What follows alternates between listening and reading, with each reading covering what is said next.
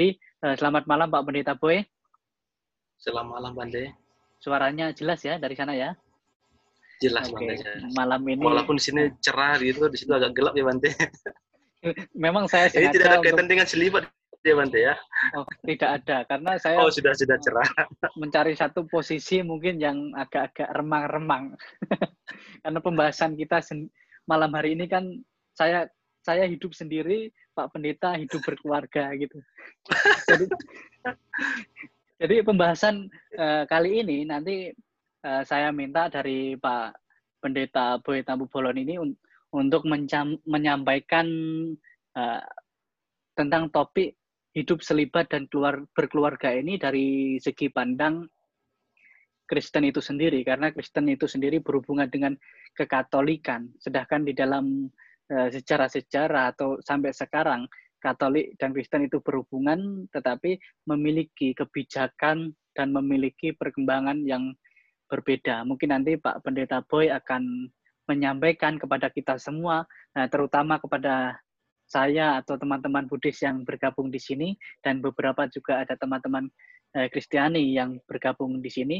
Ini seperti kuliah umum jadi pada malam hari ini pembahasan yang jarang dibahas oleh uh, mungkin eh, channel-channel lainnya ya channel-channel lainnya. Oke, okay, uh, tidak panjang kali lebar kita uh, saya berbicara. Selanjutnya waktu dan tempat saya berikan kepada Bapak Pendeta Boy Tampu Bolon untuk menjelaskan tentang topik hidup selibat dan hidup berkeluarga dari sisi pandang kekristenan. Silakan Pak Pendeta. Baik, terima kasih Bante. Tapi sebelumnya saya juga menyapa kepada semua teman-teman sekalian. Shalom, nama budaya. Assalamualaikum warahmatullahi wabarakatuh. Salam kebajikan, salam NKRI. Saya lihat ini Bante ada adik-adik saya ini dari Abu Sabda Medan. Seperti oh, iya. Bante pernah berkunjung ya, iya.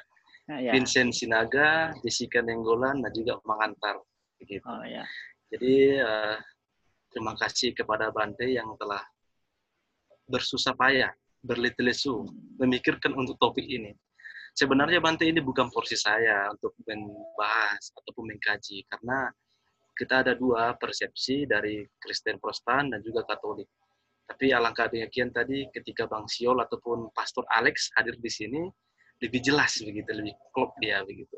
Tapi tidak apa-apa saya akan mencoba menggali dari uh, ajaran Kristen Protestan. Begitu Bante. Uh, menarik memang seperti yang diutarakan Bante di awal tadi bahwa selibat ini adalah suatu kajian ataupun suatu pemahaman seseorang tentang bagaimana agama itu sendiri. Artinya bahwa ada persepsi untuk uh, menikah ataupun tidak menikah. Hidup selibat merupakan suatu pilihan hidup yang tidaklah mudah untuk dijalani. Ketika saya mengenal Bante, saya melihat bagaimana mungkin seorang manusia hmm. bisa menahan yang namanya kebutuhan biologis. Karena dari segi pengalaman saya, sebelum saya terjun langsung berjumpa dengan Bante sahabat saya, pertanyaan ini pernah e, terlintas dalam benak saya, tapi saya tidak berani untuk menanyakannya. Tapi karena e, membaca e, literatur dan juga artikel, saya mulai memahaminya secara perlahan begitu Bante. Tapi coba kita ingat kembali, ada suatu peristiwa yang terjadi di Amerika Serikat, mungkin ini sebagai pengantarnya, yang terjadi kasus yang namanya uh, pedofil begitu. Yang terjadi di Amerika pada tahun 2002 sampai 2003 ada 46 ribu imam di mana ada 325 imam yang diberhentikan karena persoalan kasus seksual ini begitu. Karena memang eh, yang namanya kebutuhan daging, yang namanya kebutuhan biologis, kalau kita bersentuhan langsung dengan yang namanya masyarakat, pasti ada keinginan tersebut untuk meninggalkan atau melupakan yang namanya silibat tersebut. Memang tidaklah mudah untuk yang mengatakan bahwa saya adalah seorang rohaniawan ataupun saya seorang uh, personal yang tidak menikah dengan orang lain. Tapi perlu kita ketahui bahwa dalam kasus yang tadi di, di Amerika timbullah suatu majalah yang mengangkat kalau tidak salah saya itu majalah um, tentang selibat berat ataupun berkat. Itu edisi hidup. Nanti boleh kita searching juga di internet.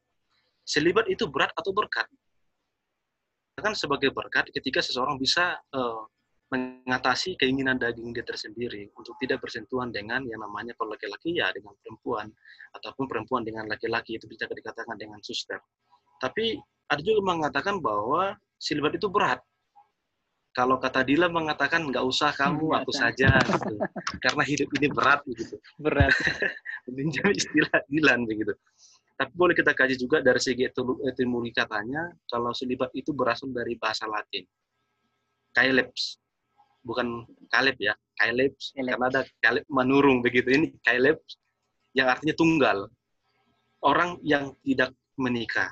Kalau dari kamus Alkitab dikatakan selibat itu adalah status tidak menikah dan disarankan Paulus dalam 1 Korintus 7 ayat 20 sampai 20 ayat 20 sampai 27. Mungkin Bante juga bisa melihat di Alkitab ada tertulis di situ bagaimana tentang uh, hidup dengan keadaan seperti waktu dipanggil Allah dan tentang perkawinan. Boleh saya baca Bante ayat tersebut supaya kita lebih Oke, silahkan. jelas ya.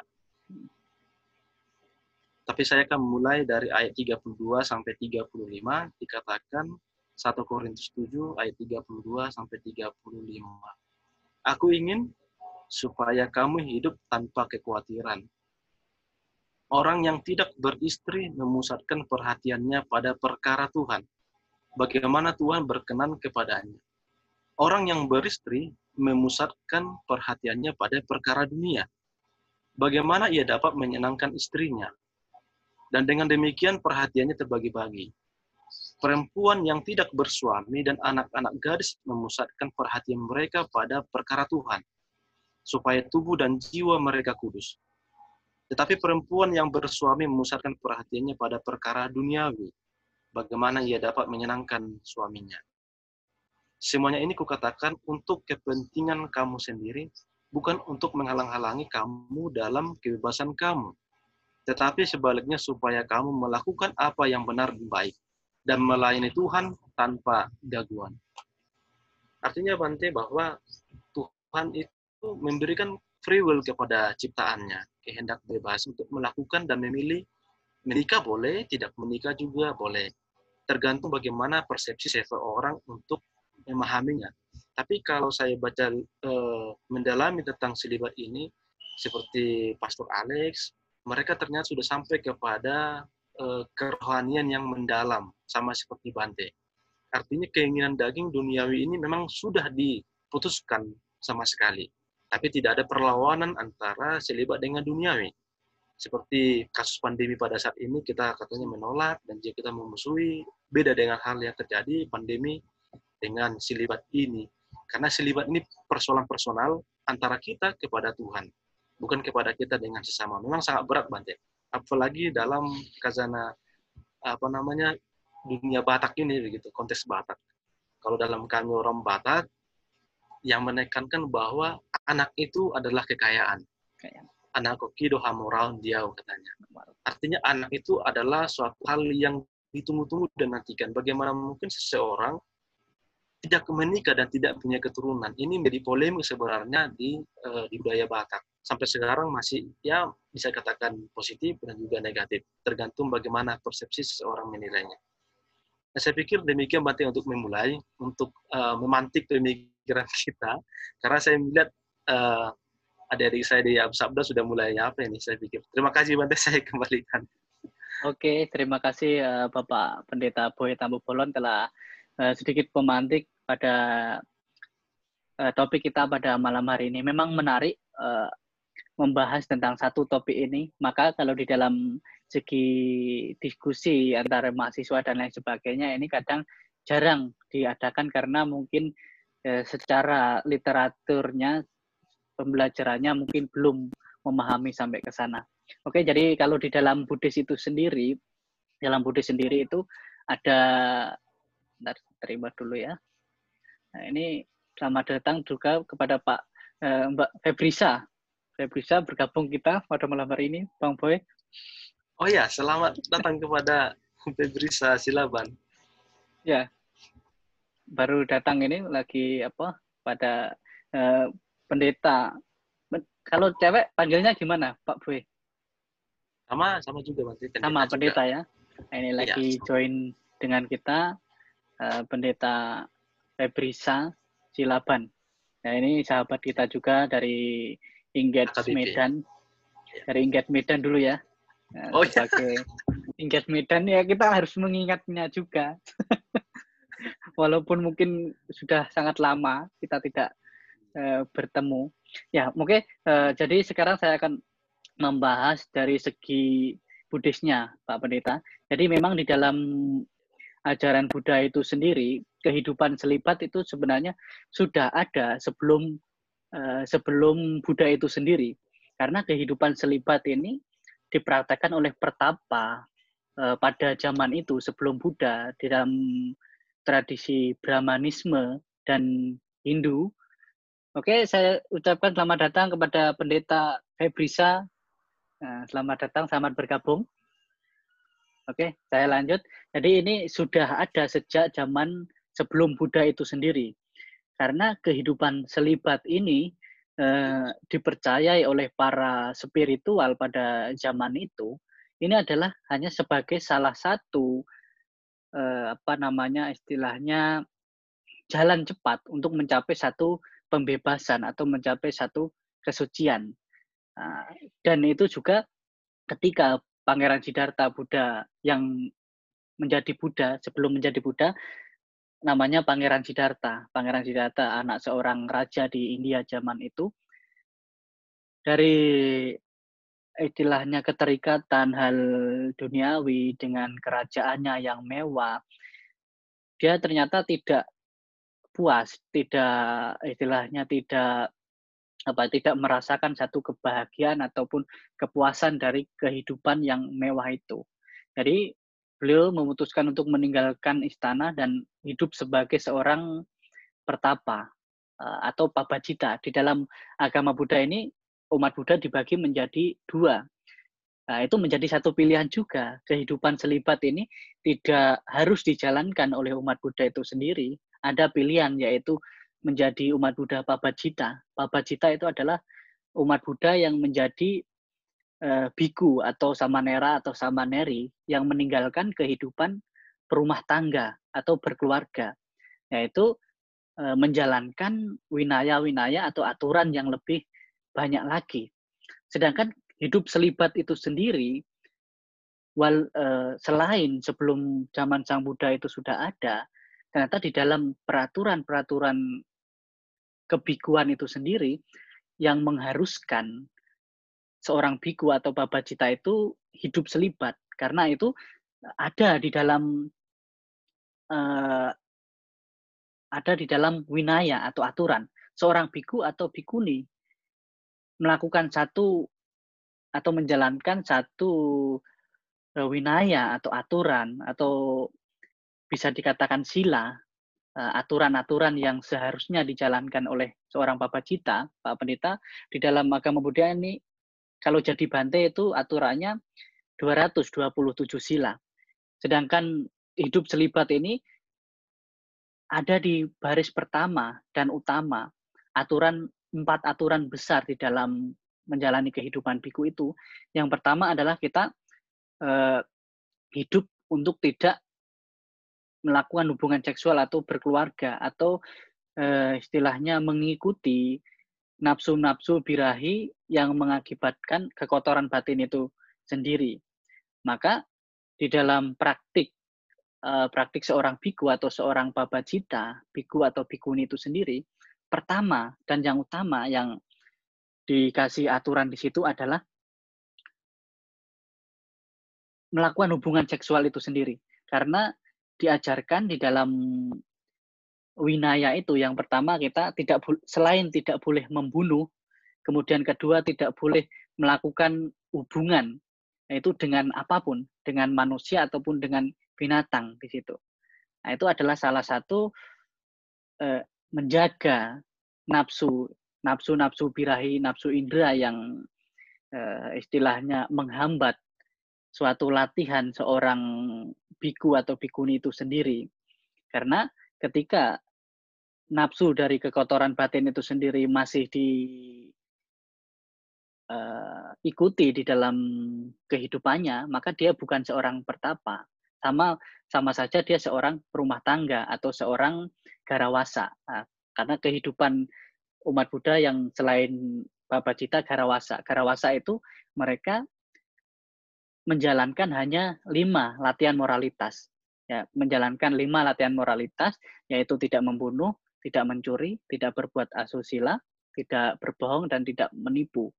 Nah, kalau kehidupan seorang Bapak Cita, selain dari lima itu dalam aturan yang pertama dan yang utama, harus hidup tidak berkeluarga, bahkan menghindari kehidupan-kehidupan yang mewah atau menghindari kehidupan-kehidupan yang dapat memanjakan indera-indera kita, nah, termasuk uh, berkeluarga ta tadi, berkeluarga tadi.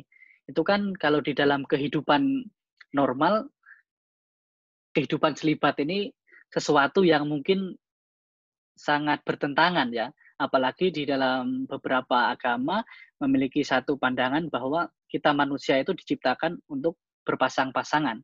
Tetapi eh, saya pernah bertanya juga di setiap agama ada juga kehidupan selibat.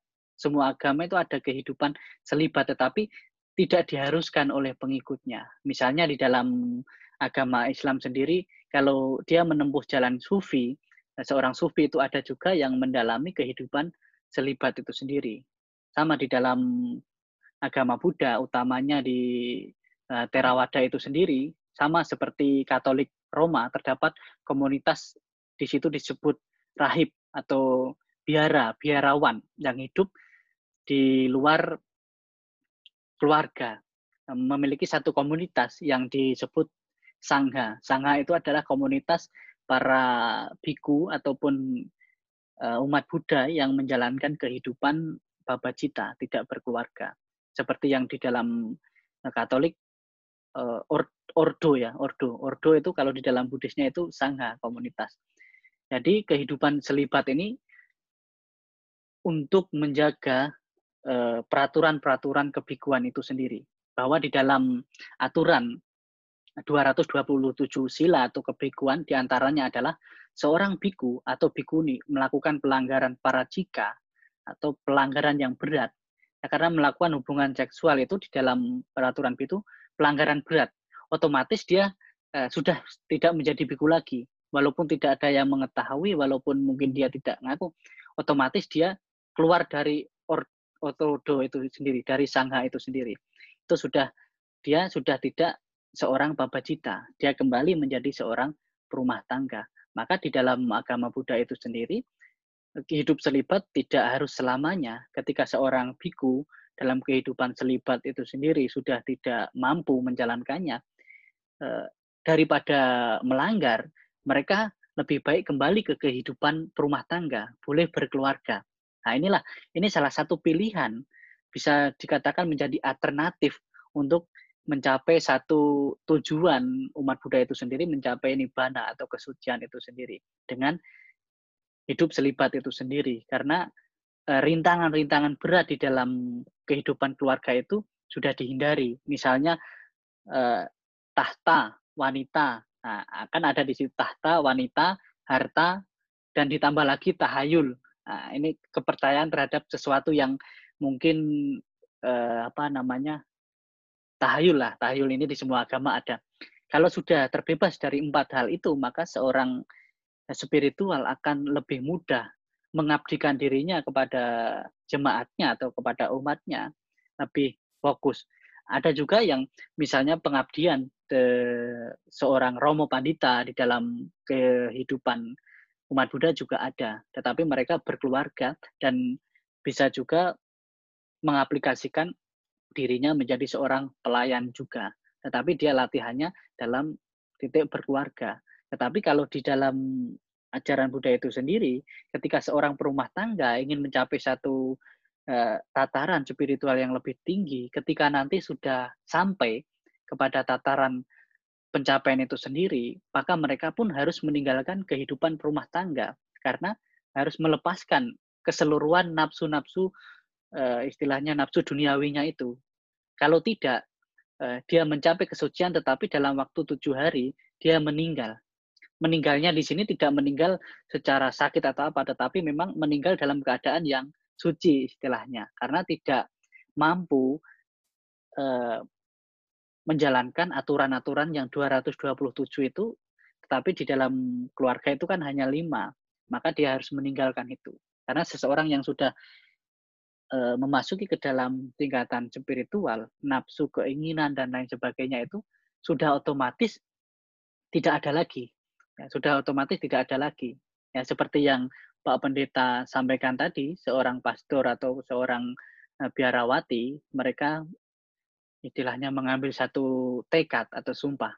Sama juga di dalam kehidupan Bapak Cita, menjadi biku harus melalui satu proses, yaitu tekad, bahwa dia akan melatih diri menjalankan 227 sila. Salah satunya adalah harus hidup selibat. Itu di tataran yang pertama. Maka walaupun umat Buddha itu berkeluarga, ketika mau melatih diri kehidupan eh, selibat pun boleh dalam jangka waktu yang mungkin ditentukan ataupun semampunya.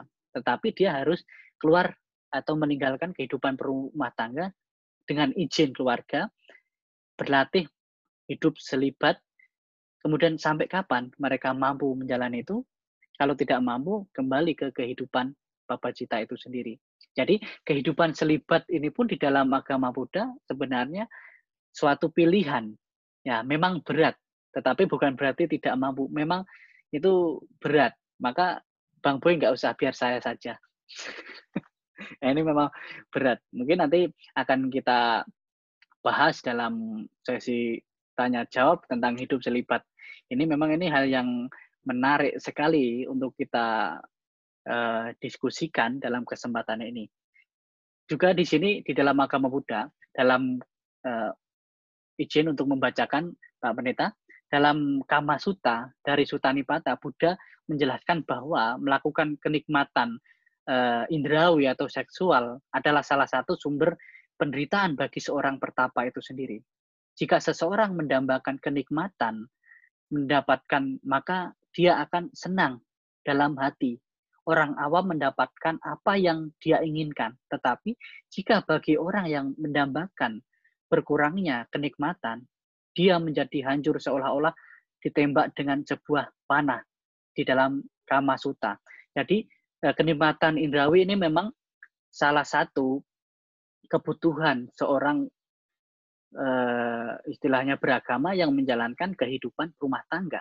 Tetapi bagi seorang yang menjalankan kehidupan cita atau pertapa, ini merupakan hal-hal yang benar-benar dijaga.